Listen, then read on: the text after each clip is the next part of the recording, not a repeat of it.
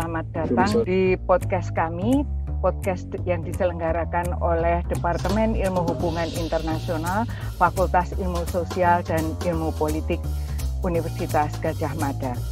Baik saudara pendengar yang saya hormati dan saya banggakan, kali ini saya sangat tersanjung karena untuk yang ketiga kali kami berhasil mengundang Dubes Pak Hadrianto Tohari adalah Dubes Republik Indonesia untuk Libanon.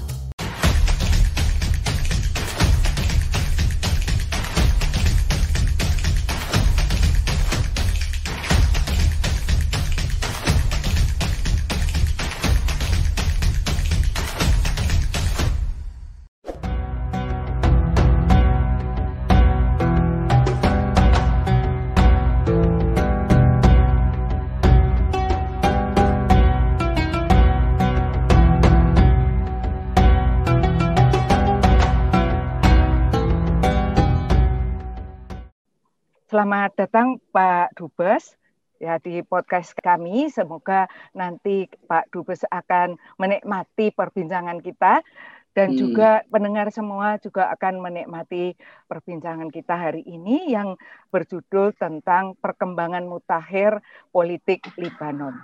Bapak Ibu hmm. sekalian dan saudara-saudara mahasiswa yang saya banggakan, bahwa Libanon itu negara kecil di Timur Tengah ya, yang mungkin di Indonesia itu yang kita dengar penuh konflik gitu Pak Dubes ya. Mm-hmm. Jadi iya. padahal negara ini kecil tetapi indah sekali. Saya juga kaget ketika saya harus melaksanakan tugas untuk menyelesaikan disertasi saya. Dulu UGM menyaratkan kalau kita menulis tentang satu wilayah harus tinggal minimal enam bulan ya di wilayah tersebut. Saya memang baru tiga bulan, tapi Libanon kemudian diserang Israel dan saya kembali. Kemudian oleh Pak Dubes tidak boleh, saya kembali ke Indonesia tidak boleh kembali ke Libanon lagi karena memang situasi tidak memungkinkan. Libanon itu sangat indah nanti Pak Dubes saya hmm. mohon laporannya juga ya ada tempat-tempat destinasi yang sejarah yang sungguh tidak ada di tempat lain, misalnya Baalbek, kemudian ada Gita Jetro yang itu sungai di bawah gua ya, yang itu juga sebetulnya kita punya di Wonosari tetapi tidak seindah yang ada di Libanon. Baik Pak Dubes, izinkan saya membacakan riwayat hidup Bapak. Bapak Dr. Andes Haji Hajrianto Tohari, MA, lahir di Karanganyar 26 Juni 1960. Beliau menyelesaikan SMA di Karanganyar, SMA Muhammadiyah Karanganyar, kemudian S1 dulu namanya Sasdaya ya, sekarang jadi FIB Bapak ya. Jadi uh, jurusan sastra Arab UGM. Beliau lulus tahun 1984, kemudian melanjutkan S2 di Antropologi UI tahun 1993, kemudian mendaftar S3 tetapi tidak diselesaikan karena beliau terlalu banyak jabatan yang beliau emban ya. Misalnya ketua PP Pemuda Muhammadiyah tahun 1993 98 kemudian ketua Litbang DPP Partai Golkar 98 sampai 2003 Kemudian beliau ternyata saya juga baru tahu beliau itu pernah menjadi dosen Undip ya, sudah mencapai pangkat 3C eh, tahun 86 sampai 97. Jadi kalau saya istiqomah menjadi dosen ya ini tunggu kampus ya sampai nanti pensiun hmm. tunggu kampus ya. Karena kalau beliau kemudian berkiprah di menjadi anggota DPR RI sampai empat periode. Dimulai tahun 97, 99, 2004 dan 2009. Setelah itu beliau juga menjadi ketua komisi satu ya yang uh, berhubungan dengan hubungan luar negeri, Hankam dan kepresidenan. Beliau pernah menerima bintang Mahaputra Pardana ya. Misi beliau adalah tetap aktif selama hayat dikandung badan. Ini pantas kita tiru semua ya, terutama saya yang kadang-kadang berpikir sudah saatnya saya berhenti. Tetapi setelah saya membaca riwayat hidup Pak Dubes, uh, saya juga akan mengikuti jejak beliau, tetap akan aktif selama hayat di kandung badan. Beliau menulis buku banyak sekali, nanti kalau saya bacakan tidak jadi podcast kita ya.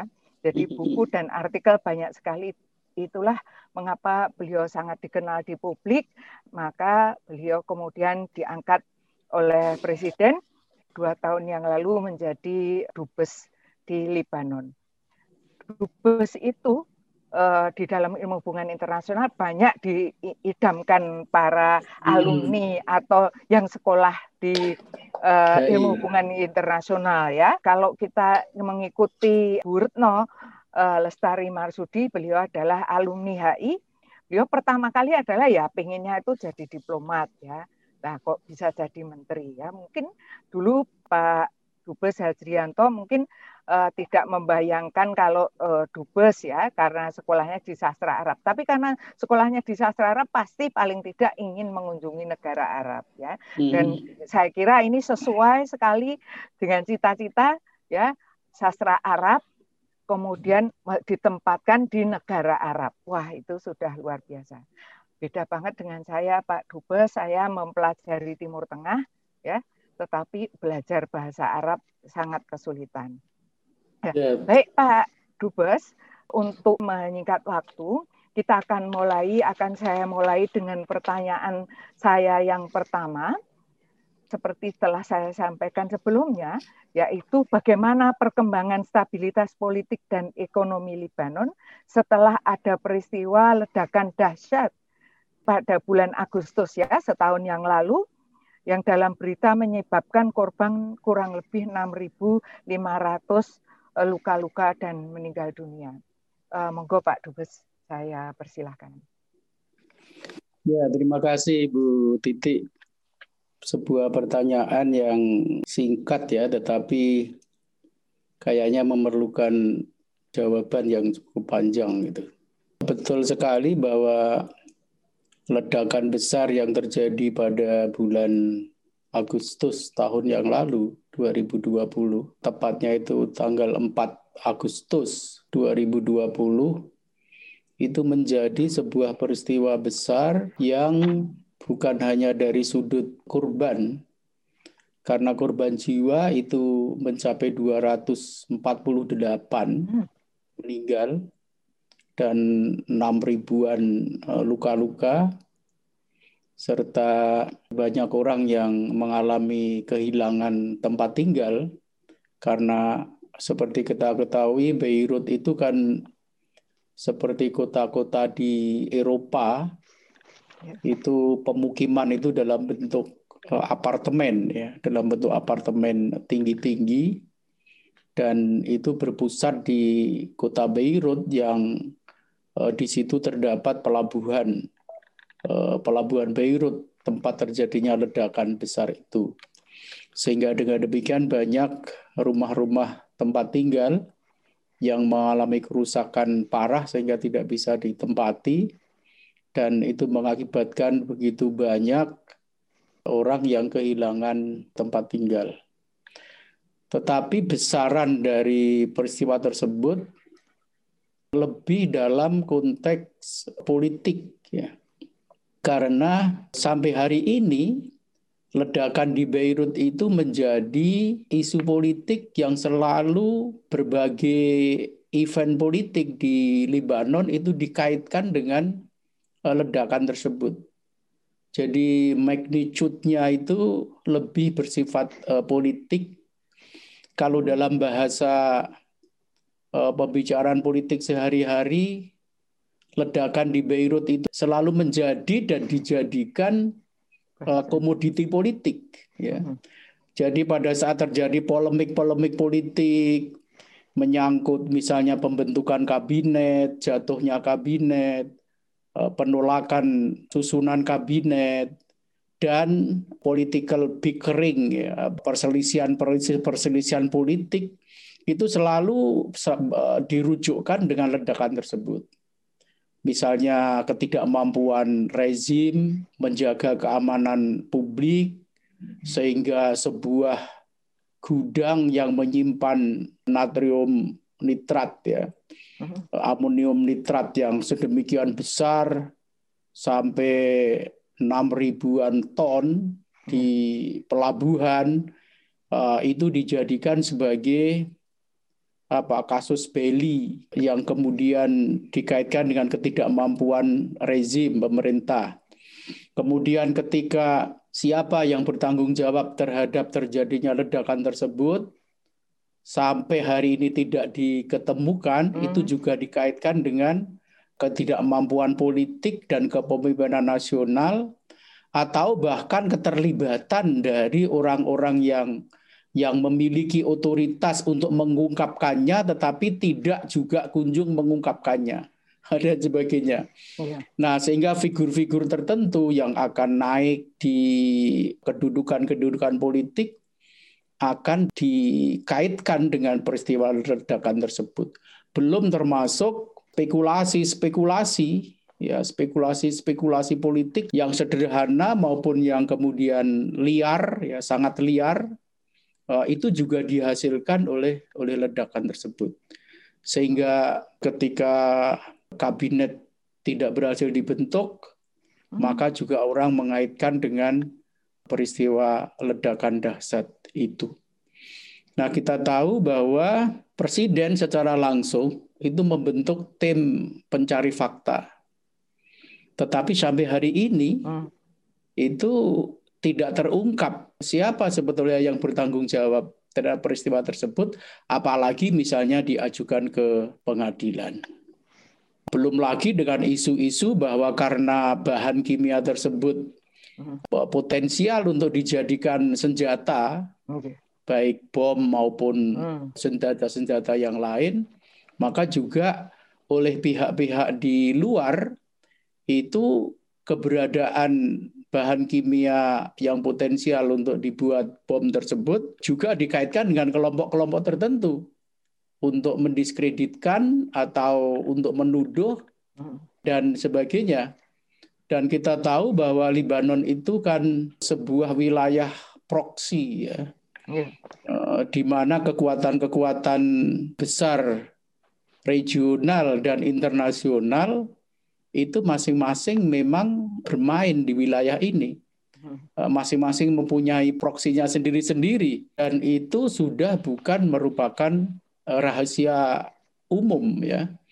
Oleh karena semuanya tahu dan kita tahu bahwa wilayah Timur Tengah itu termasuk di dalamnya bahkan terutama Libanon itu wilayah yang secara politik itu memiliki dinamika yang sangat tinggi. Ya benar apa yang disebutkan oleh Ibu Titik tadi bahwa ini sebuah negara kecil, tetapi karena menjadi wilayah proksi itu tadi internasional di negeri ini itu sangat tinggi. Kunjungan pejabat-pejabat tinggi negara-negara besar seperti Amerika, Perancis, Inggris, Rusia, apalagi kekuatan-kekuatan regional di dunia Arab yang terdiri dari 22 hmm. negara di mana beberapa di antara mereka itu uh, punya kecenderungan bersaing satu sama lain untuk menanamkan pengaruhnya dan juga memperebutkan kepemimpinan di dunia Arab ini itu datang di Beirut itu silih berganti seperti tidak pernah berhenti dalam hitungan hari jadi hari Senin Menlu Amerika, hari uh, Selasa Menlu Rusia, hari hmm. Rabu Menlu Arab Saudi, hari Kamis Menlu Iran, uh, hari Jumat Menlu Inggris dan sebagainya. Uh, dan bahkan spesial spesial envoy ya dari presiden atau perdana menteri. Dan menariknya dalam kunjungan-kunjungan tersebut mereka sudah sangat biasa kemudian melakukan jumpa pers dan membuat statement-statement yang sedemikian rupa Misalnya? Uh, so, ya, misalnya seorang menteri luar negeri sebuah negara besar hmm. bisa mengatakan saya berharap pemerintah Libanon tidak mengajak berkoalisi kelompok A. Ah. Disebutkan secara eksplisit uh, untuk tidak ada bahasa uh, masuk ke dalam ya ya untuk masuk ke dalam pemerintahan itu sudah biasa dan besok itu akan dibantah oleh tamu negara yang lain. Jadi ya. luar biasa dan itu dalam jumpa pers bersama-sama dengan presiden atau perdana menteri. Pernah misalnya hmm. menteri luar negeri Amerika, saya tidak perlu menyebut namanya, berkunjung ke datang ke Libanon bersama-sama dengan presiden jumpa pers minta supaya kelompok Hizbullah misalnya tidak diikutkan dalam pemerintahan. Kemudian presiden menjawab dalam konferensi pers tersebut bahwa bagaimanapun juga Hizbullah adalah kekuatan yang memiliki akar di masyarakat dan dia juga didukung oleh oleh cukup besar jumlah masyarakat di Libanon. Ya. Itu sesuatu yang saya tidak bayangkan terjadi di negara ya, lain, apalagi di di negara kita. Ya, ya. Sebuah intervensi politik atau campur tangan politik itu akan dilakukan secara di bawah permukaan, mungkin dengan ada ya, tetapi mungkin disampaikan dengan bahasa-bahasa diplomasi yang tinggi, bahkan mungkin dengan secara rahasia. Tetapi di Timur Tengah itu disampaikan dengan begitu terus terang, bahkan cenderung vulgar, apalagi hanya secara verbal gitu ya. Ya sekitar tahulah namanya di di negara-negara Arab itu sebuah negara besar bisa sekali uh, melakukan intervensi militer secara langsung tanpa tedeng aling-aling. Uh, itulah ya, ya. dunia politik ya. di Timur Tengah. Demikian juga dengan yang terjadi di Lebanon pasca ledakan itu. Kita tahu bahwa hanya hitungan hari Presiden Prancis itu sudah sampai di Beirut. Ya. Ketika ledakan itu terjadi, bahkan saya hitung-hitung sampai hari ini mungkin sudah tiga kali, ya. Mhm. Jadi seperti ya seperti ini sebuah negara bagian mereka, ya. gitu ya. Ya. ya. Dan dan ya. juga menariknya respon masyarakat ketika menerima kunjungan tersebut respon masyarakat uh, di lapangan yang mendapatkan kunjungan di tempat kejadian itu, terutama korban-korban akibat ledakan itu, uh, begitu mengeluh-elukan pemimpin negara asing, ya, bahkan menyampaikan harapan-harapan seperti menyampaikan harapan kepada pemimpinnya sendiri, ya, sendiri. gitu ya. ya. Nah, itu, ya. wah itu memang saya rasa cerita uh, seperti itu uh, menjawab ya pertanyaan uh, yang disampaikan oleh Ibu Titik tersebut. Dan ya. hal seperti itu sampai hari ini masih terjadi. Kita tahu ya. Presiden Emmanuel Macron itu adalah ketua dari uh, kelompok negara-negara di barat yang mengumpulkan untuk menjadikan Lebanon itu recovery dari akibat ledakan yang dikombinasikan dengan pandemi COVID-19 tersebut dan sudah mengumpulkan dana yang cukup besar untuk bantuan perekonomian. Tetapi hmm. sampai hari ini dana tersebut tidak dia berikan oleh karena apa yang diinginkan oleh Perancis bagi dilakukannya hmm. reformasi politik di Libanon juga tidak kunjung dilaksanakan oleh oh. Eh, elit-elit politik di Libanon. Yeah. Misalnya yeah ini sudah ada dana untuk bantuan ekonomi, kami akan cairkan jika dilakukan reformasi politik di Lebanon. Karena kita tahu sebelum terjadi ledakan 4 Agustus itu bulan uh, Maret mengalami pandemi ya. sebagaimana negara-negara yang lain dan bulan Oktober 2019 itu bermula terjadinya revolusi di Lebanon yang diwarnai dengan aksi-aksi unjuk ya. rasa ya. di enam kota besar di Libanon yang dalam waktu hanya 10 hari menjatuhkan kabinet yang dipimpin oleh Perdana Menteri Saad Hariri. Hmm. Dan kemudian sampai hari ini silih berganti calon-calon Perdana Menteri yang ditunjuk oleh Presiden berhasil membentuk kabinet awal Februari atau akhir Januari 2020 terbentuk kabinet yang dipimpin oleh Perdana Menteri Hasan Diab, tapi satu minggu setelah terjadi ledakan itu mengundurkan diri dan kabinet itu kosong. Sampai hari ini ketika terpilih Perdana Menteri saat hari ini lagi, selama 11 bulan gagal membentuk kabinet. Uh-huh. Jadi 11 bulan itu pemerintah Libanon itu tidak ada, tidak ada pemerintah definitif. Dan baru seminggu yang lalu Perdana Menteri terpilih saat Hariri menyatakan karena gagal membentuk kabinet tidak mendapatkan persetujuan presiden, kemudian mengundurkan diri dan lima hari yang lalu terpilih perdana menteri yaitu Najib Mikati itu perdana menteri lama juga. Lama. Tapi dan sampai hari ini sedang sedang uh, bekerja keras untuk membentuk kabinet. Bisa dibayangkan itu uh, hampir satu tahun sebuah negara tanpa kabinet. Ya. Itu yang yang terjadi di Lebanon sampai hari ini. Uh, jadi itu ya. akibat dari ledakan, dasar, krisis politik, dan pandemi. Jadi tiga tiga lapis saya rasa yang mengakibatkan ya. seperti ya. itu. Terima kasih Pak Dubes. Ya, jadi saudara-saudara sekalian yang saya hormati dan saya banggakan, kita sudah dapat informasi mutakhir tentang kondisi Libanon saat ini pasca eh, ledakan bom itu. Ya, jadi banyak orang ini sebetulnya karena apa? Uh, saya ingin tahu ini Pak Dubes karena mm-hmm. sama hmm. dengan audiens di Indonesia sebetulnya kalau menurut Pak Dubes apa yang sampai 6.000 sekian ton uh, disimpan amonia itu. Tadi memang sudah ada dugaan untuk kemungkinan untuk membuat senjata ya dan kenapa disimpannya itu di Beirut gitu ya di memang di pelabuhan ya apakah hmm. itu sebelumnya tidak diketahui ya gitu karena saudara sekalian mungkin yang belum pernah apa tahu tentang Libanon. Libanon itu memang sebetulnya ledakan-ledakan itu sudah biasa gitu ya. Sewaktu saya ke Beirut itu pertama kali saya ditunjukkan oleh kedutaan adalah gedung kedutaan Amerika Serikat yang rata dengan tanah karena dibom oleh Hizbullah ya.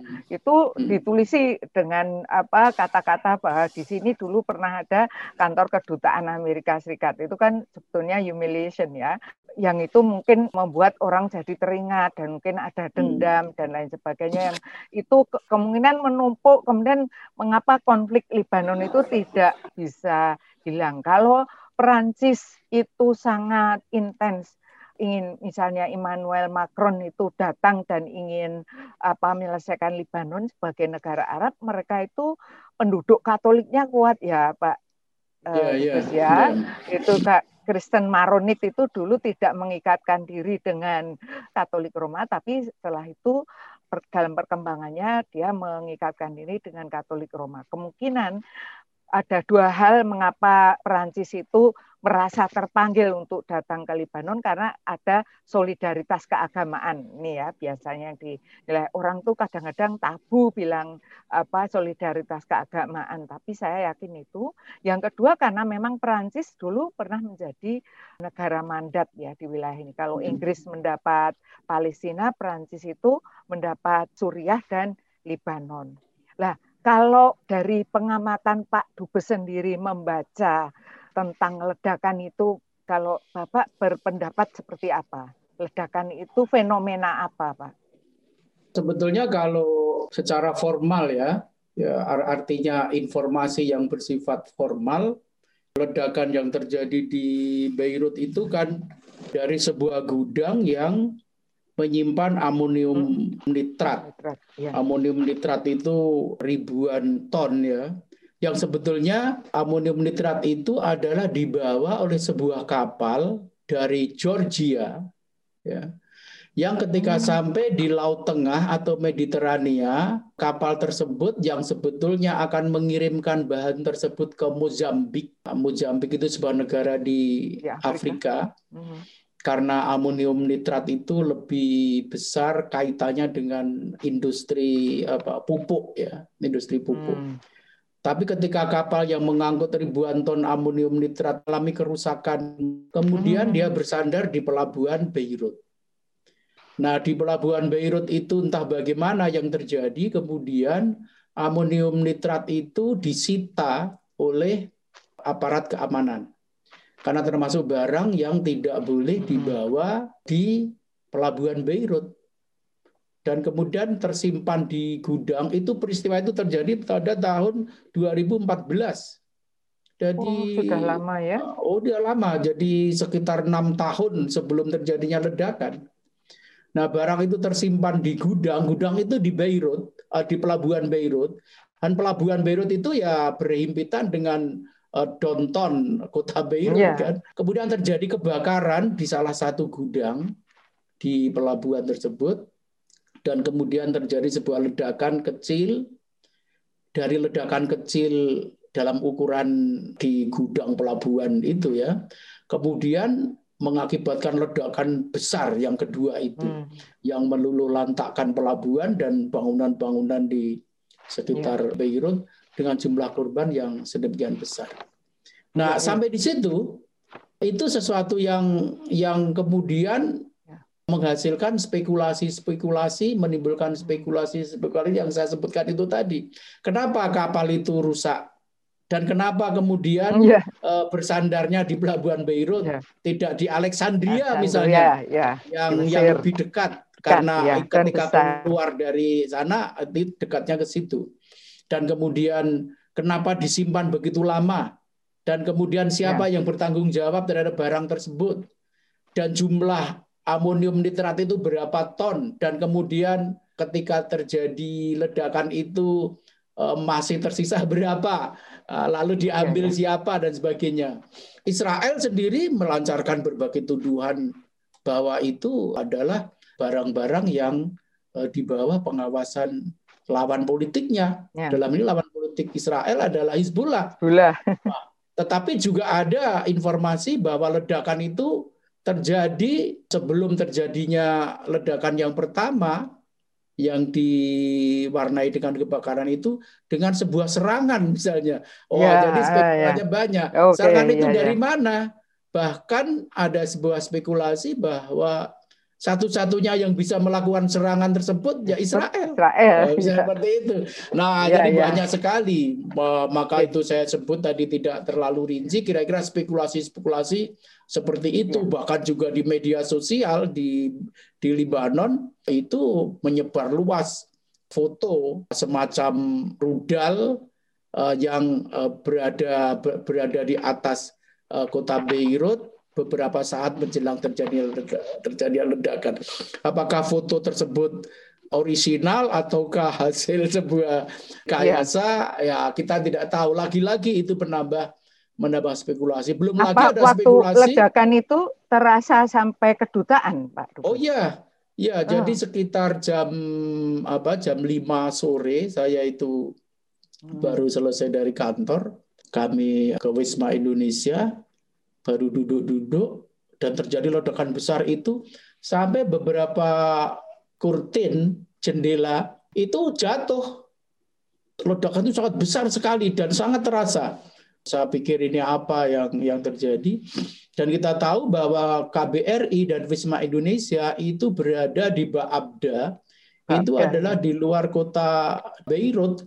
Jaraknya dari pelabuhan, dari epicentrum ledakan itu kira-kira enam setengah kilometer ya enam setengah kilometer. Hmm. karena KBRI itu berada di Baabda itu yang sebetulnya sudah bukan kota Beirut. Hmm. ya jadi sebetulnya ini kedutaan besar Republik Indonesia di Baabda bukan kedutaan di di, di Beirut. Ya, itu masih masih uh, sangat terasa. Ya apalagi di wilayah kota Beirut yang memiliki ketinggian permukaan sama dengan pelabuhan atau sedikit hanya sedikit lebih tinggi memang parah ya. sekali. Waktu itu nah, Pak belum lagi Dubes, isu misalnya ya. di bawah gudang tersebut ada spekulasi juga ada terowongan menuju mana oh. dan sebagainya. ya, Wah, ya. pokoknya banyak deh spekulasi.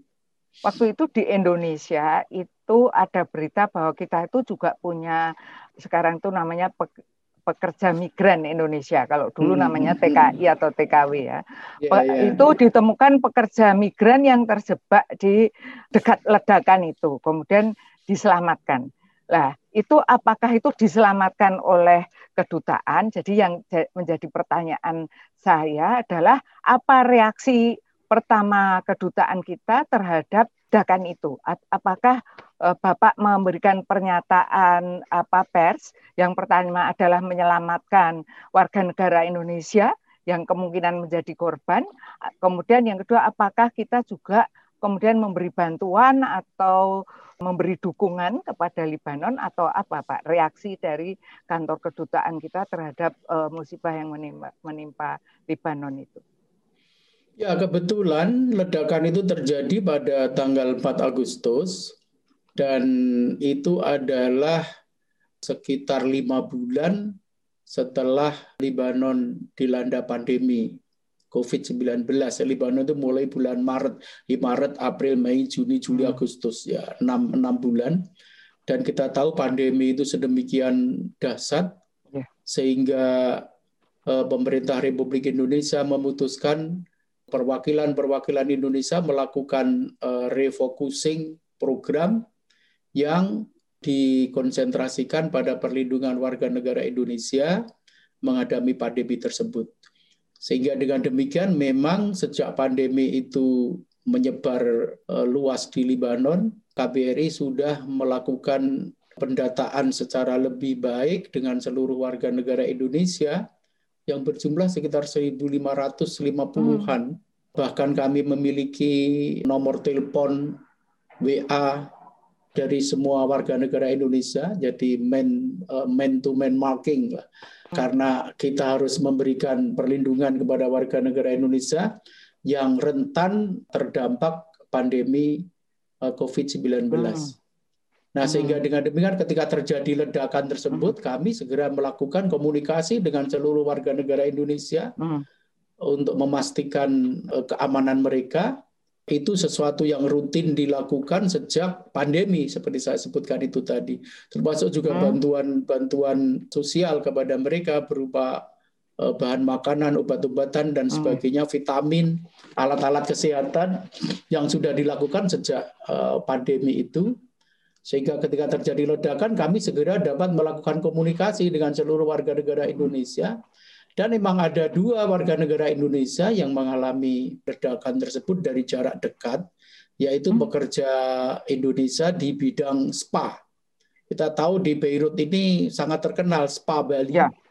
Yang karyawan-karyawatinya itu kebanyakan juga dari Bali. Bali. Ya. Uh, dari karena namanya juga spa Bali. Dan mereka ada puluhan uh, pekerja Indonesia di bidang itu. Ada dua orang yang satu hanya luka ringan di di muka begini.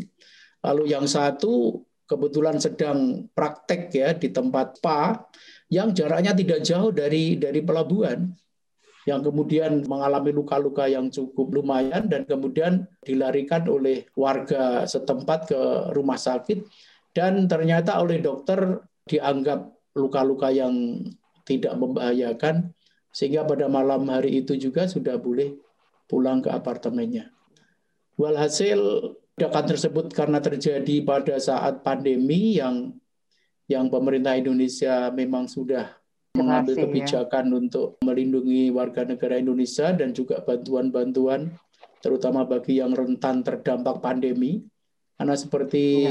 misalnya karyawan karyawati spa Bali tersebut eh, jumlah pengunjung spa juga mengalami penurunan yang luar biasa dari yang setiap hari ratusan itu sampai tinggal satu digit saja uh, karena hmm. pandemi COVID tersebut. Dan itu ternyata kemudian berdampak pada penurunan pendapatan atau gaji mereka. Hmm. Dan karena itu KBRI memberikan bantuan pada mereka. Terlebih lagi setelah terjadinya ledakan, yang itu semakin memperparah ya. nasib mereka. Hmm. Ada evakuasi warga Indonesia di Lebanon setelah ledakan, Pak? Seperti tidak, dulu tidak, Mesir, enggak tidak ya, ada ya? Tidak, tidak sampai ada. itu, karena warga negara Indonesia bagian besar berada jauh dari Beirut. Ada hmm. yang di Bika, ada nah. yang di Tripoli, di Akar, dan kemudian di Nakura, ya. Uh, sangat sedikit yang berada di uh, Beirut, kota ya? Beirut, oh, iya. uh, kecuali para pekerja apa tersebut. Ya. Meskipun kita selalu memperbarui uh, contingency plan ya di negara yang di perwakilan negara yang termasuk rawan, Kementerian Luar Negeri Republik Indonesia membagi negara-negara perwakilan itu tingkat yang paling parah itu namanya kategori berbahaya. Ya. Uh, berbahaya itu misalnya Suriah, Afghanistan dan Yaman ya. Hmm. Kemudian di bawahnya yang kategori negara bahaya itu adalah rawan. rawan. Oh ya. Libanon ini termasuk rawan. Oh, di negara begitu. yang berbahaya dan rawan itu berlaku ketentuan misalnya diplomat-diplomat Indonesia itu boleh menggunakan hak cross posting diplomat itu biasanya sekitar tiga setengah tahun bertugas hmm. di suatu negara. Tapi kalau ditugaskan di negara yang berbahaya dan rawan, hmm. itu hanya separuh saja. Jadi oh, sekitar satu setengah dua tahun untuk kemudian uh, memilih uh, berpindah ke tempat yang ke lain. Tempat lain. Ya ke tempat yang oh, lain. Ya. Jadi kebanyakan di sini misalnya setelah dari Beirut ke Helsinki, dari Beirut ke Toronto, hmm. dari Beirut Apakah Pak Dubes Tokyo, juga berencana enggak, seperti kalau, itu? Kalau kalau oh, ya. besar enggak. oh, oh diplomatnya ya. Oh, di, oh kalau ya, di, oh iya iya ya. Ya, oh iya duta, karena duta besarnya tidak berlaku ketentuan uh, cross posting. Untuk uh, cross posting untuk daerah rawan dan berbahaya. Hmm. Papua New Guinea termasuk yang rawan ya, Pak Dubes ya. Uh, ada teman ya, mau saya, ya, saya, saya, ya. saya tidak tidak begitu ya. hafal. Walaupun kenyataan ya. sehari-hari sebetulnya tidak seburuk itu. Saya baru ketika mau berangkat ke Beirut hampir semua teman, saudara, semua teman-teman, ya teman-teman di politik, semuanya menyatakan jangan, jangan mau dan iya. sebagainya. Ya, nah, itu ya, negara betul. yang bahaya dan sebagainya gitu, penuh konflik. Tapi ketika ya, saya betul. datang di Beirut bulan Maret 2019 sampai bulan Oktober itu tidak ada ketemu apa pun, tidak ada oh, ketemu ya. perang, tidak ada ketemu konflik, apalagi ya. kekerasan fisik. Bahkan Beirut ini kota yang sangat aman. Saya sering melihat uh, orang berjalan sendiri tengah malam sampai jam satu setengah dua itu ya. tidak pernah ada cerita kriminalitas, apalagi tindak kekerasan di kota Beirut. Saya waktu itu ke Beirut, Pak Dubes, uh, nah. untuk uh, disertasi saya ya. Begitu saya lihat Beirut itu saya menangis karena hmm. lihat Sabra dan Satila itu bekas tempat wilayah orang Palestina yang dibom oleh Israel. Kemudian hmm. saya dia eh, kemudian saya di perbatasan Lebanon dengan Israel itu ada benteng Beaufort namanya yaitu benteng pertahanan Israel yang kemudian dihancurkan Hizbullah. Di sana ada penjara Al-Khiam ya. Itu saya terus terang melihat Lebanon itu sama sekali tidak menduga bahwa Lebanon menerima dampak yang parah dari konflik Arab Israel ya hmm. kemudian di sana masih banyak pengungsi Palestina yang tinggal di kamp hmm. pengungsi yang sangat terbelakang yaitu ya saya itu meneliti sambil sebetulnya hati saya hancur ya melihat nasib bangsa Arab Palestina itu yang kesan saya ya tapi kemudian saya ketika lihat Beirut dari kacamata yang lain yang di kotanya ya yang namanya kornis ya kalau nggak salah. Kornis ya, ya. itu isinya ya itu tadi ya. Jadi Parisnya Timur Tengah itu Beirut gitu ya. Jadi yang itu tuh tadi bisa lupa karena kita melihat apa hingar bingarnya ibu kota gitu ya. Dan saya eh, hmm. eh, sangat biasa melihat gereja dan masjid berdampingan begitu ya. Jadi ini yang jadi pusat perhatian saya. Pak Dubes kami uh, ini akan lebih serius, mungkin tadi juga serius, tapi ini yang menjadi inti dari problem Libanon menurut saya yaitu uh, Fakta Nasional 1948 yang dikenal dengan sharing power atau mekanisme hmm. konsosiasional ya yang hmm. ini peninggalan Perancis sebetulnya karena eh, saya bertanya ini karena Pak Dubes waktu itu memberi apa ya semacam pencerahan ke saya. Kes, datang ke sini lagi itu udah beda banget dengan waktu dulu itu ya. Jadi saya tertarik untuk mengelaborasi lebih lanjut. Jadi para pendengar yang budiman yang saya hormati, di Libanon itu ada mekanisme yang namanya sharing power peninggalan Perancis bahwa kekuasaan itu berbagi ya, bukan dibagi.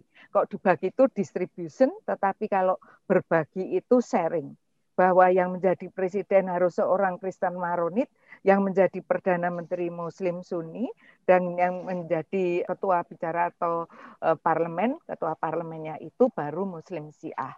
Nah, pembagian kekuasaan ini sebetulnya tidak adil ketika jumlah Muslim Sunni itu meningkat karena ada eh, dulu pengungsi Arab Palestina itu kan diberi status warga negara Libanon. Sekarang tidak lagi katanya ya.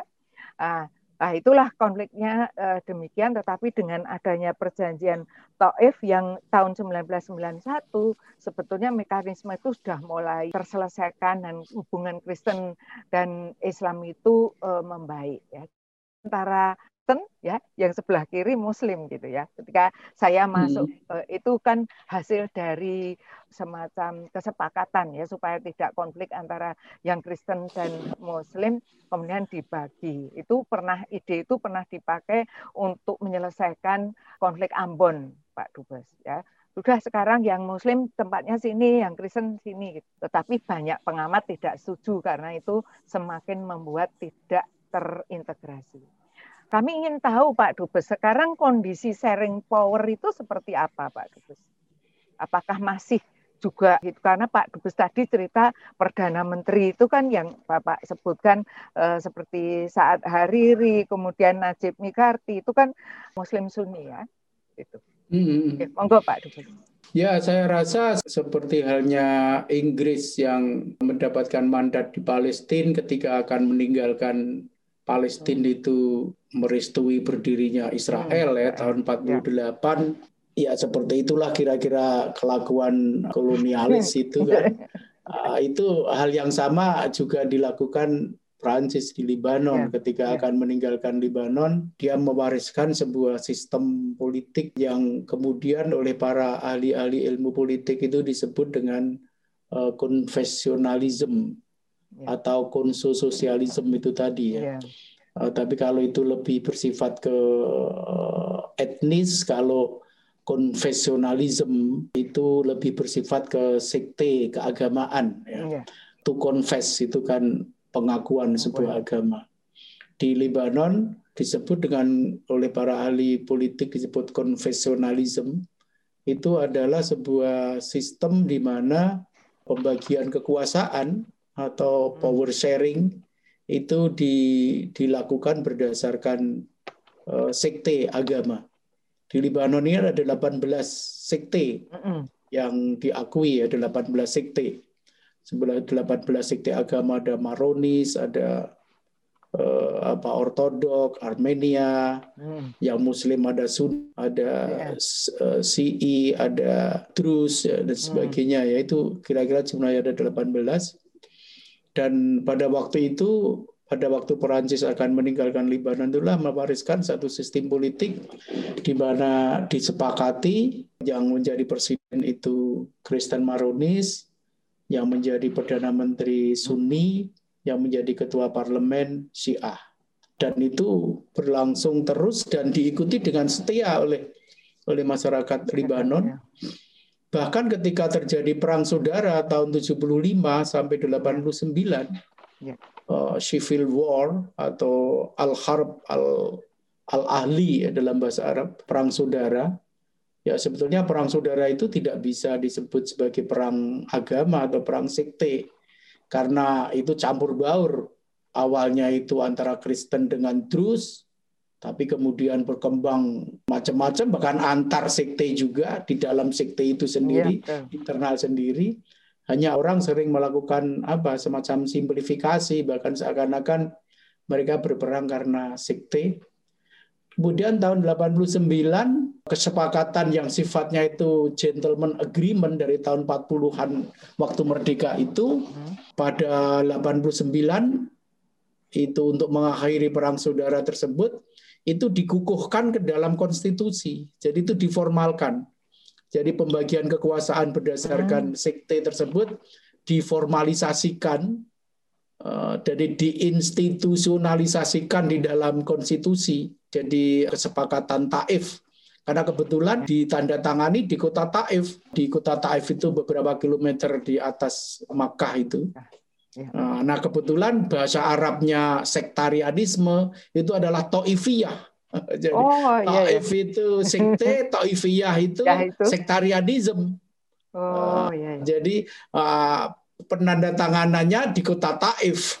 Jadi sama ya, ya. sudah sudah itu maka disebut sebagai hmm. Taif Agreement dan kemudian ya. itu dikukuhkan dalam konstitusi dan sampai sekarang itu itu diikuti dengan setia secara formal di Libanon.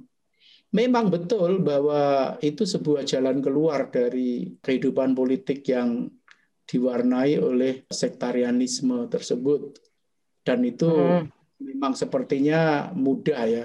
Tetapi ketika kemudian di breakdown Iya. ke jabatan-jabatan di bawah itu, ya itu Hmm. tidak mudah. Ketika presiden harus Kristen Maronis, it's Hmm, okay. ya. Perdana Menteri Sunni, oke. Ketua Parlemen harus Syiah, oke. Tapi kemudian turun ke kabinet. Kabinet kan harus paruh-paruh juga.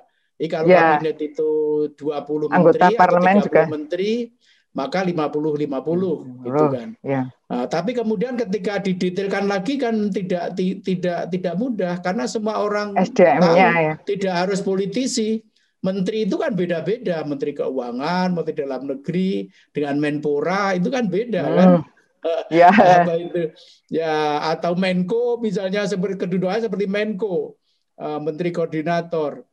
Hmm. Tapi Menko itu kan nggak punya apa-apa kan, nggak punya Hmm. program, nggak ada ini teknis, jadi ya menteri-menterian lah kira-kira gitu. Kalau Ya. yang dikasih tiga orang Menko sama dua orang saja Menteri Keuangan dan Menteri Pendidikan, ya pasti akan milih Menteri Pendidikan dan Menteri Keuangan. Nah itu sesuatu yang Ya. tidak mudah, bahkan bagi orang Juga awam. SDM ya, mungkin karena yang si Ah itu kan jumlahnya katanya lebih kecil dan lebih terdidik dari yang Sunni dulu yang saya pelajari sehingga Ya, ya, untuk ya. memenuhi kabinet itu kadang-kadang nggak bisa pembagiannya seperti itu karena SDM-nya kadang-kadang tidak ada. yang kalau si A. SDM saya rasa Libanon ini kan negara yang tingkat pendidikannya Nya paling baik di dunia Arab. Hmm. Karena pendidikan di Libanon itu dimulai sudah sejak tahun 1820-an, pendidikan modern ketika misionaris Amerika itu Ya. memenuhi Arab Livan ya.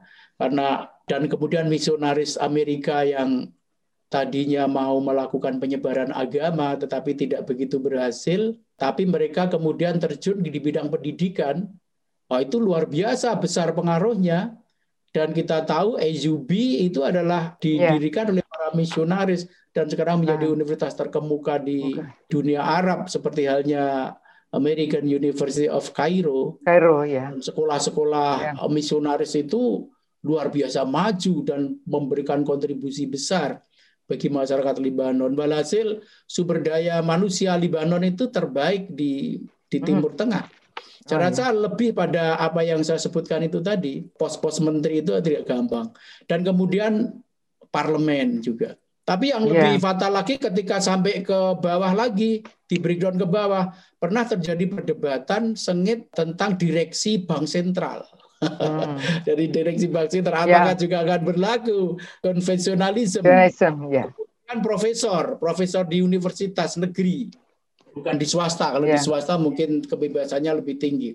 Di Universitas Negeri Libanon namanya Lebanese University pernah ada polemik tentang jumlah profesor di salah satu sekte yang terlalu eh, dominan di di sana. Berhasil ketika di Hmm. breakdown ke bawah itu problematik.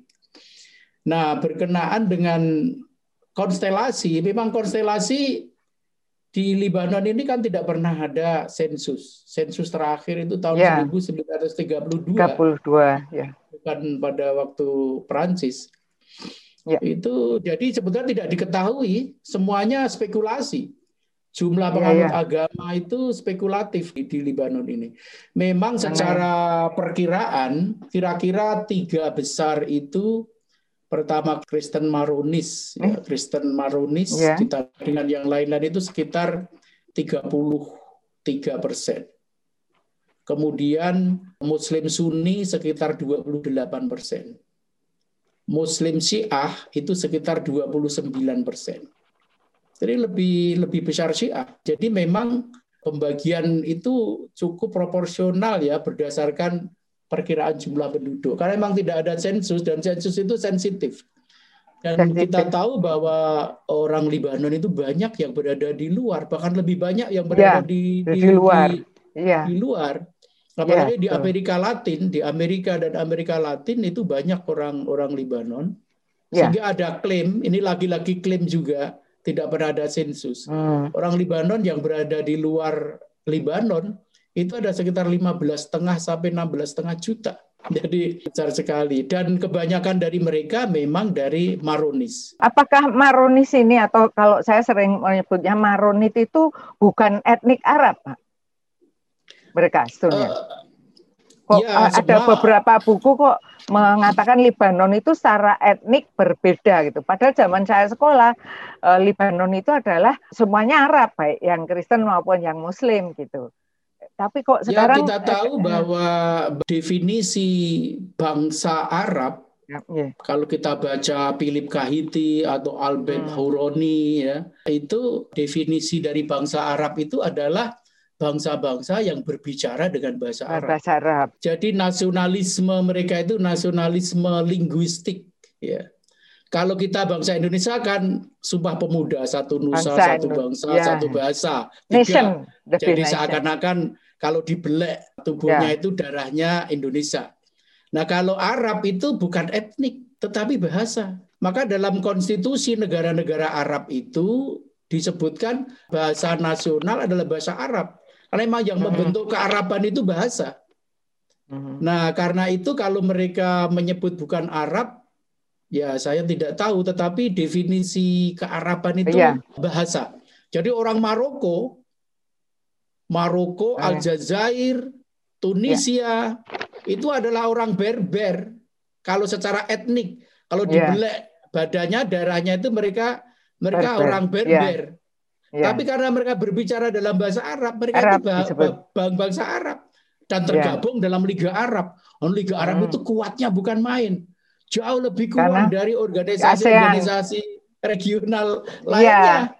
Karena Ma, padahal mereka ini menjadi bahasa. Arab itu karena bahasa. Ah, dan ya. orang Arab luar biasa ya kebanggaannya kepada bahasa Arab itu. Modernisasi ya. bahasa Arab itu dimulai di, di Libanon. Ya. Percetakan Banyak. Arab pertama ya. itu di Libanon. Dan namanya tokoh-tokoh bahasa Arab itu kebanyakan ya. Libanon dan kebetulan mereka beragama Kristen. Ya. Jadi kalau Bu Titi dan teman-teman ya. mencari kamus-kamus top Betul. bahasa Arab, kamus-kamus baku bahasa Arab yang ditulis oleh apa itu yang yang terkenal Khalil Gibran ya.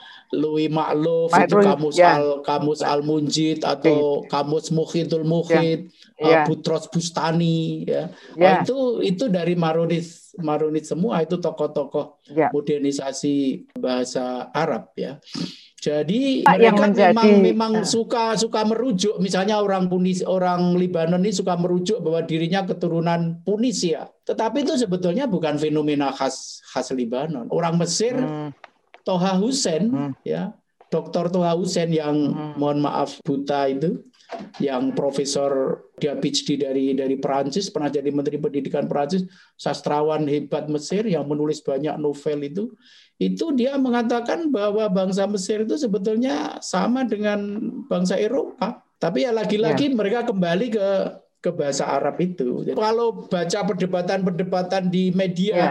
media sosial seperti di buletin Quora dan sebagainya, hmm. orang Arab Olivan itu banyak yang mengatakan kami bukan Arab secara ya, etnik oh, ya, ya, secara etnik ya oke. Okay. tapi secara teori pak kalau terintegrasi itu uh, nasionalisme berdasarkan language language atau bahasa itu harusnya kuat.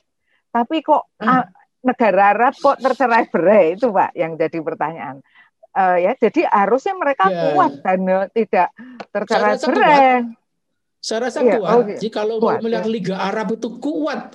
Ya, kalau mereka oh, sedang ya. KTT atau sedang konferensi, Liga ya. Arab itu berkelahinya seperti perkelahian perkelahian antar saudara kandung. Jadi sibling uh, rivalry ya. itu tinggi oh, banget. Gitu. Maka dari itu hmm. orang lain menyebut mereka ber, uh, melakukan intervensi, tapi bagi mereka itu enggak enggak intervensi. Seperti misalnya sekarang perang di Libya itu, Mesir bermain, Emirat Arab bermain, Arab Saudi bermain, ber, ber, bertemu di situ untuk berperang dan sebagainya. Orang dari negara lain menyebut intervensi, mereka enggak merasa itu intervensi. Bagian itu ya. ya seperti mengurus ya, rumah tangga saudaranya ya. itu. Maka dari ya. itu ketika Suriah perang kayak seperti ini yang bermain siapa? Macam-macam dari negara Arab yang lain. Orang menyebut orang Barat menyebut jangan coba-coba campur tangan. Hmm. Tapi mereka menyatakan ini bukan campur tangan, ini urusan kami. Iya. Kalian yang jangan ke sini, jangan campur tangan dan sebagainya.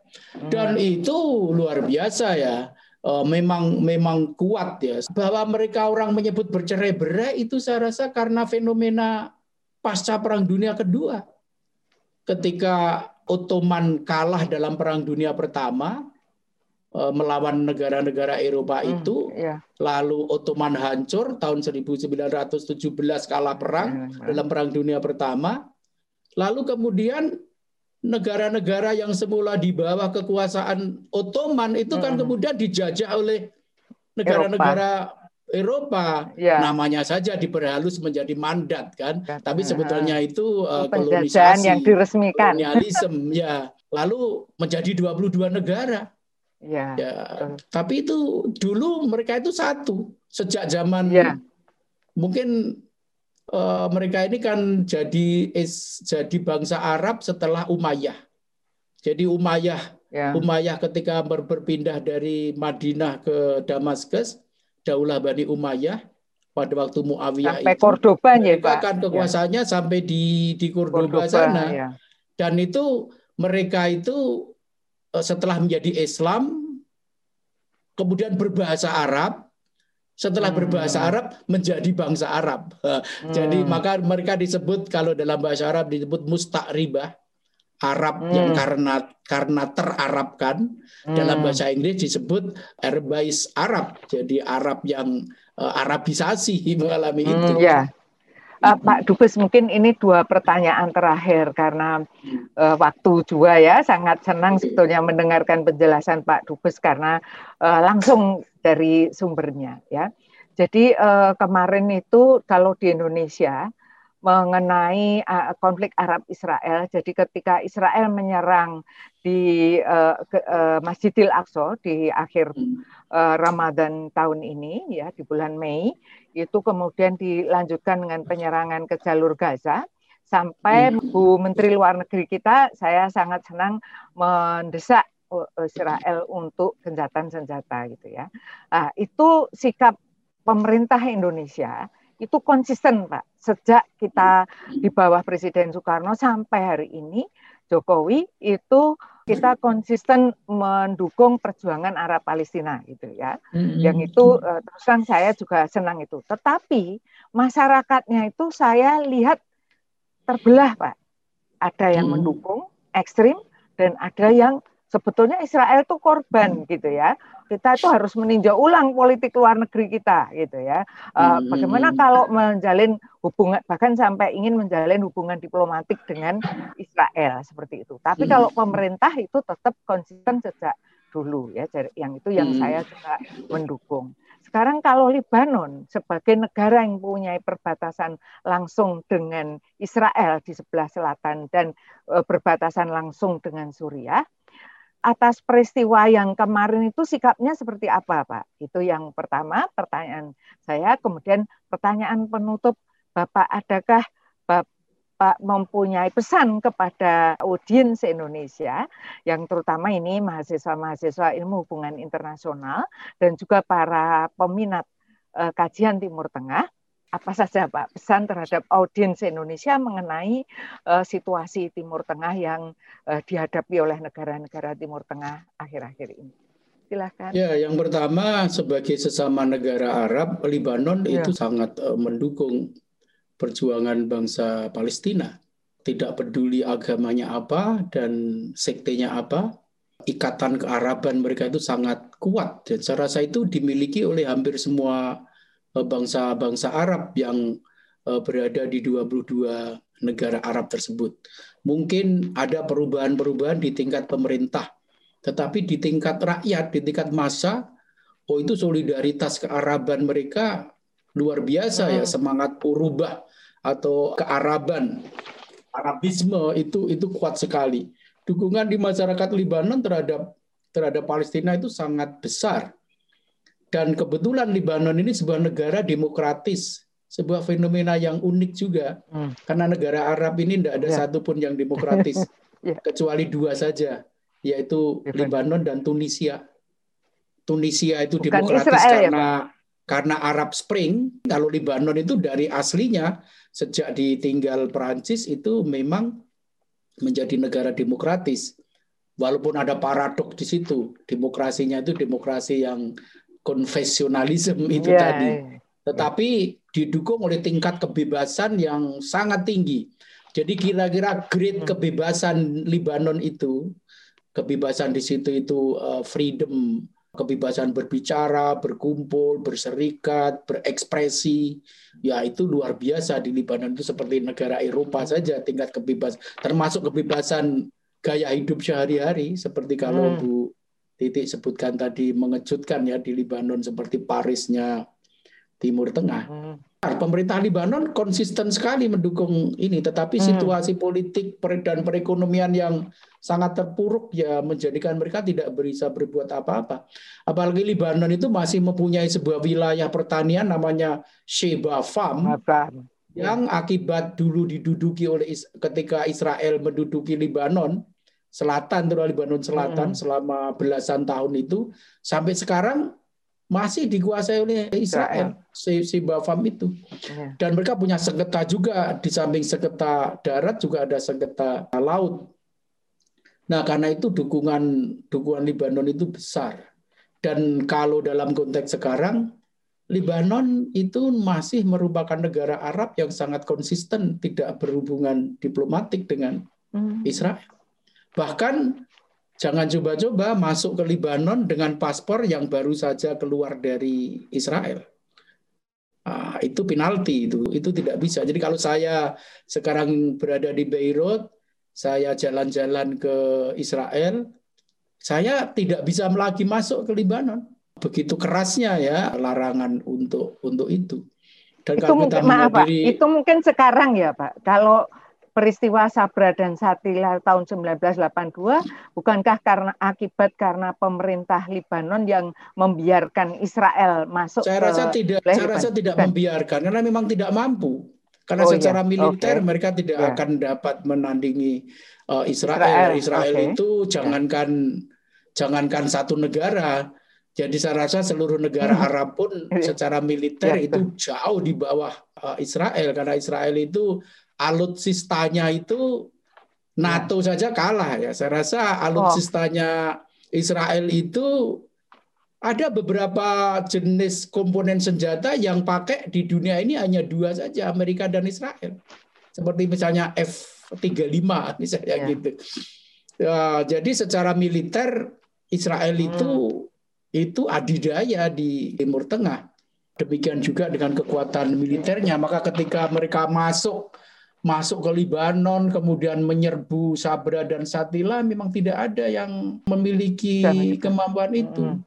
Perdana Menteri Hasan Diab dilantik pada bulan akhir Februari menjadi Perdana Menteri Libanon tahun yang lalu. Bulan Mei berpidato menyebutkan bahwa dalam waktu empat bulan tersebut terjadi 1.895 pelanggaran wilayah oleh Israel di Libanon. Jadi itu dihitung aja berarti sehari berapa kali terjadi. Yeah. Dan namanya pesawat tempur Israel itu setiap hari masuk ke wilayah-wilayah di sekitarnya, Libanon, Suriah, Jordan, tanpa ada reaksi sedikit pun. Hmm. Karena memang tidak ada alat untuk melakukan reaksi. Yeah. Jadi mau menembak juga nggak ada eh, senjata anti anti pesawat terbang belum drone-drone. Jadi kalau Israel misalnya di pinggiran kota Beirut pernah terjadi kantor medianya Hizbullah itu diserang dengan drone oleh uh, Israel, gedung berlantai empat runtuh, empat orang meninggal dan tidak ada pembalasan sama sekali. Jangankan itu, hmm. bahkan Iran yang begitu garang di media itu orangnya dibunuh di depan hidungnya di kota Teheran juga ndak ndak ndak ndak ini membalas. Jenderal Qasim Sulaimani itu ya. jenderal kebanggaannya Kira, itu di ya. kota Baghdad itu juga hanya ancaman mau membalas tapi itu itu saya rasa karena oh, superiornya ya. Israel. Jadi itu menjelaskan kenapa tidak banyak yang bisa dilakukan secara secara militer. Maka ketika terjadi peristiwa penyerangan uh, Gaza kemarin yang didahului dengan penyerangan di Baitul Maqdis di Aqsa, Ya di sini yang terjadi adalah sama seperti fenomena yang terjadi di negara-negara Arab dan negara-negara Muslim yang lain, yaitu demonstrasi-demonstrasi dan kecaman-kecaman. Yang kedua, jika bangsa kita terbelah pandangannya terhadap Israel hmm. itu ya bisa dimaklumi karena uh, Indonesia itu cukup jauh dari epicentrum konflik hmm. di di Yerusalem ya. di situ. Yang kedua namanya setiap kekuasaan power itu kan memang memproduk pengetahuan. Ya. Ya. Negara yang uh, berkoalisi dengan negara-negara maju di dunia yang begitu kuat memimpin media, hmm. maka mereka nggak mem mem memproduk informasi-informasi, bisa memutarbalikkan fakta, bisa ya. meluruskan fakta, bisa memanipulasi fakta. Jangankan cuma ya. informasi, bahkan pengetahuan. Ya. Kalau kita baca Foucault kan begitu kan, jadi apa itu? Ya sesuatu yang wajar. Maka dari itu, bagi saya konflik dan perang antara Israel Palestina itu bukan hanya secara militer ya, tapi juga secara ilmu pengetahuan, pemikiran. Dan saya salut loh bangsa Palestina itu juga banyak ya menerbitkan jurnal-jurnal ilmiah, jurnal-jurnal hmm, akademik. Ya. Dan itu sangat penting karena sangat penting. Dan saya rasa sekarang ini para pengkaji Timur Tengah atau peminat kajian Timur Tengah itu kan dimanjakan dengan ribuan penerbitan dari jurnal, artikel-artikel di jurnal, hasil-hasil penelitian yang luar biasa banyaknya. Bahkan terhadap isu-isu yang baru saja itu sudah menghasilkan ribuan penelitian. Misalnya tentang proposal perdamaian yang dilontarkan oleh Trump uh, peace uh, to prosperity uh, deal of century itu kan. Oh itu kan banyak sekali ditulis oleh uh, PhD PhD yang spesialis kajian Timur Tengah. Begitu banyak belum jurnal-jurnal misalnya jurnal Yerusalem, jurnal ya, uh, Palestine, Palestine Journal, ada ya. lagi yang orang-orang Israel dan Palestina, orang-orang pintar bergabung di satu jurnal namanya Palestine Israel Journal. Oh, itu PhD-PhD spesialisasinya kajian Timur Tengah dan mereka orang-orang liberal dari kedua belah pihak yang pro pro perdamaian. Oh, itu juga banyak sekali. Nah, ya. karena itu ya ini kalau istilahnya teman-teman gerakan Islam itu suka menyebut dengan gospel fikir, ya perang pemikiran dan informasi. Ya. Kita memang harus mengikuti perdebatan-perdebatan uh, tersebut dan memang ini wilayah yang sangat menarik. Enggak sebanding lah dengan kajian-kajian tentang negara yang lain, ya, kajian tentang Palestina Israel itu. Sebuah bangsa yang ber, memperebutkan wilayah yang sangat kecil tapi memiliki dimensi yang begitu lebar dan besar itu tidak ada yang melebihi itu. Banyak orang enggak enggak mengikuti konflik-konflik uh, bangsa di negara yang lain. Yeah. Uh, tapi kalau namanya Israel Israel Palestina itu luar biasa ya. Yeah. Luar luar luar biasa. Tangguh. Itu melibatkan yeah. Tiga lingkaran jadi konflik antara Israel Palestina tapi juga konflik Arab Israel hmm. tapi bahkan lebih daripada itu dunia Islam Israel itu. Ya, kalau dilihat misalnya bangsa Indonesia itu apa hubungannya? secara etnis tidak, secara geografi jauh, tapi komitmen begitu besar. Secara itu yeah. fakta itu. Sama seperti kalau kita baca fakta. Apa Amerika itu? Sebuah negara di Amerika, di benua Amerika, campur tangannya begitu luar biasa. Yeah. Bahkan baik perdamaian maupun konflik bersenjata itu selalu melibatkan dia dan hampir semua prakasa perdamaian itu di, dikendalikan oleh Amerika.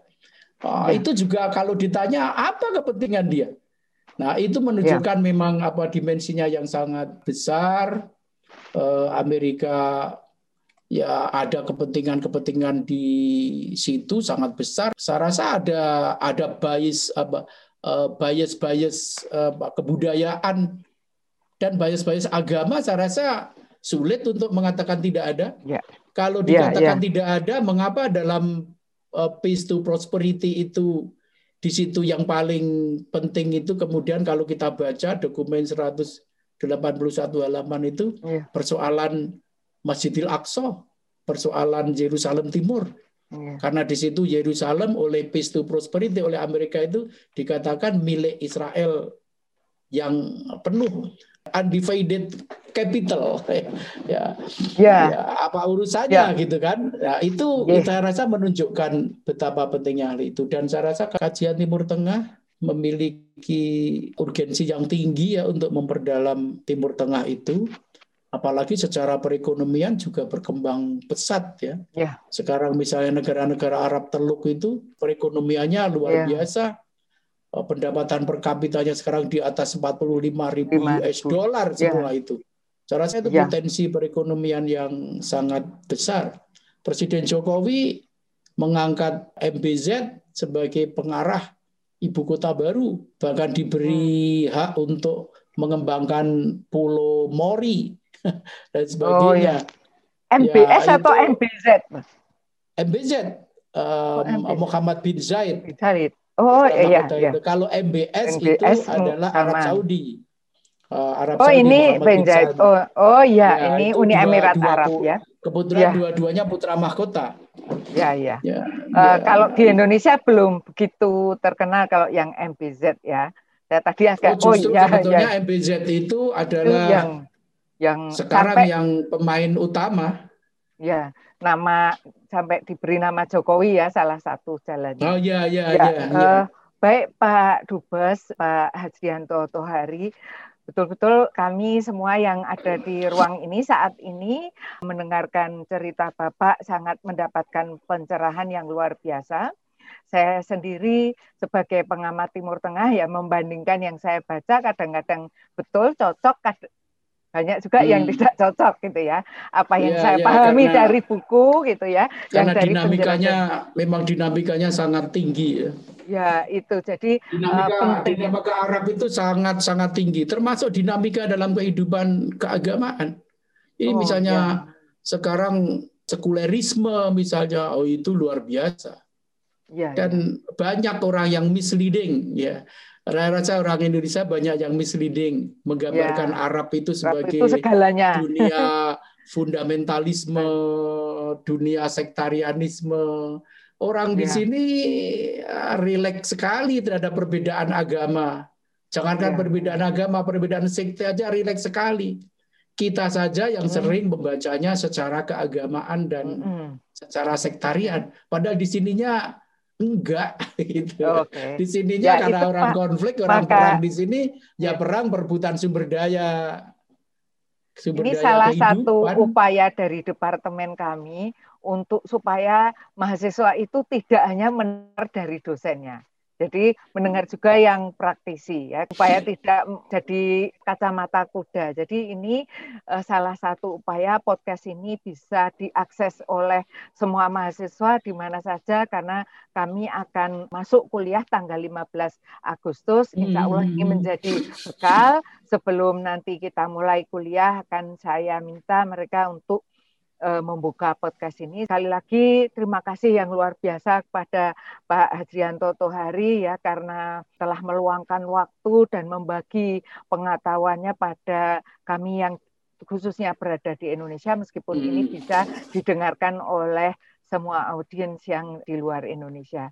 Terima kasih jazakumullah Pak Hadrianto, semoga lain kali kita bisa berjumpa kembali dengan podcast yang berbeda. Semoga yang kita sampaikan saat ini bermanfaat ya khususnya untuk mahasiswa dan audiens Indonesia yang ingin mengetahui lebih jauh mengenai situasi Timur Tengah.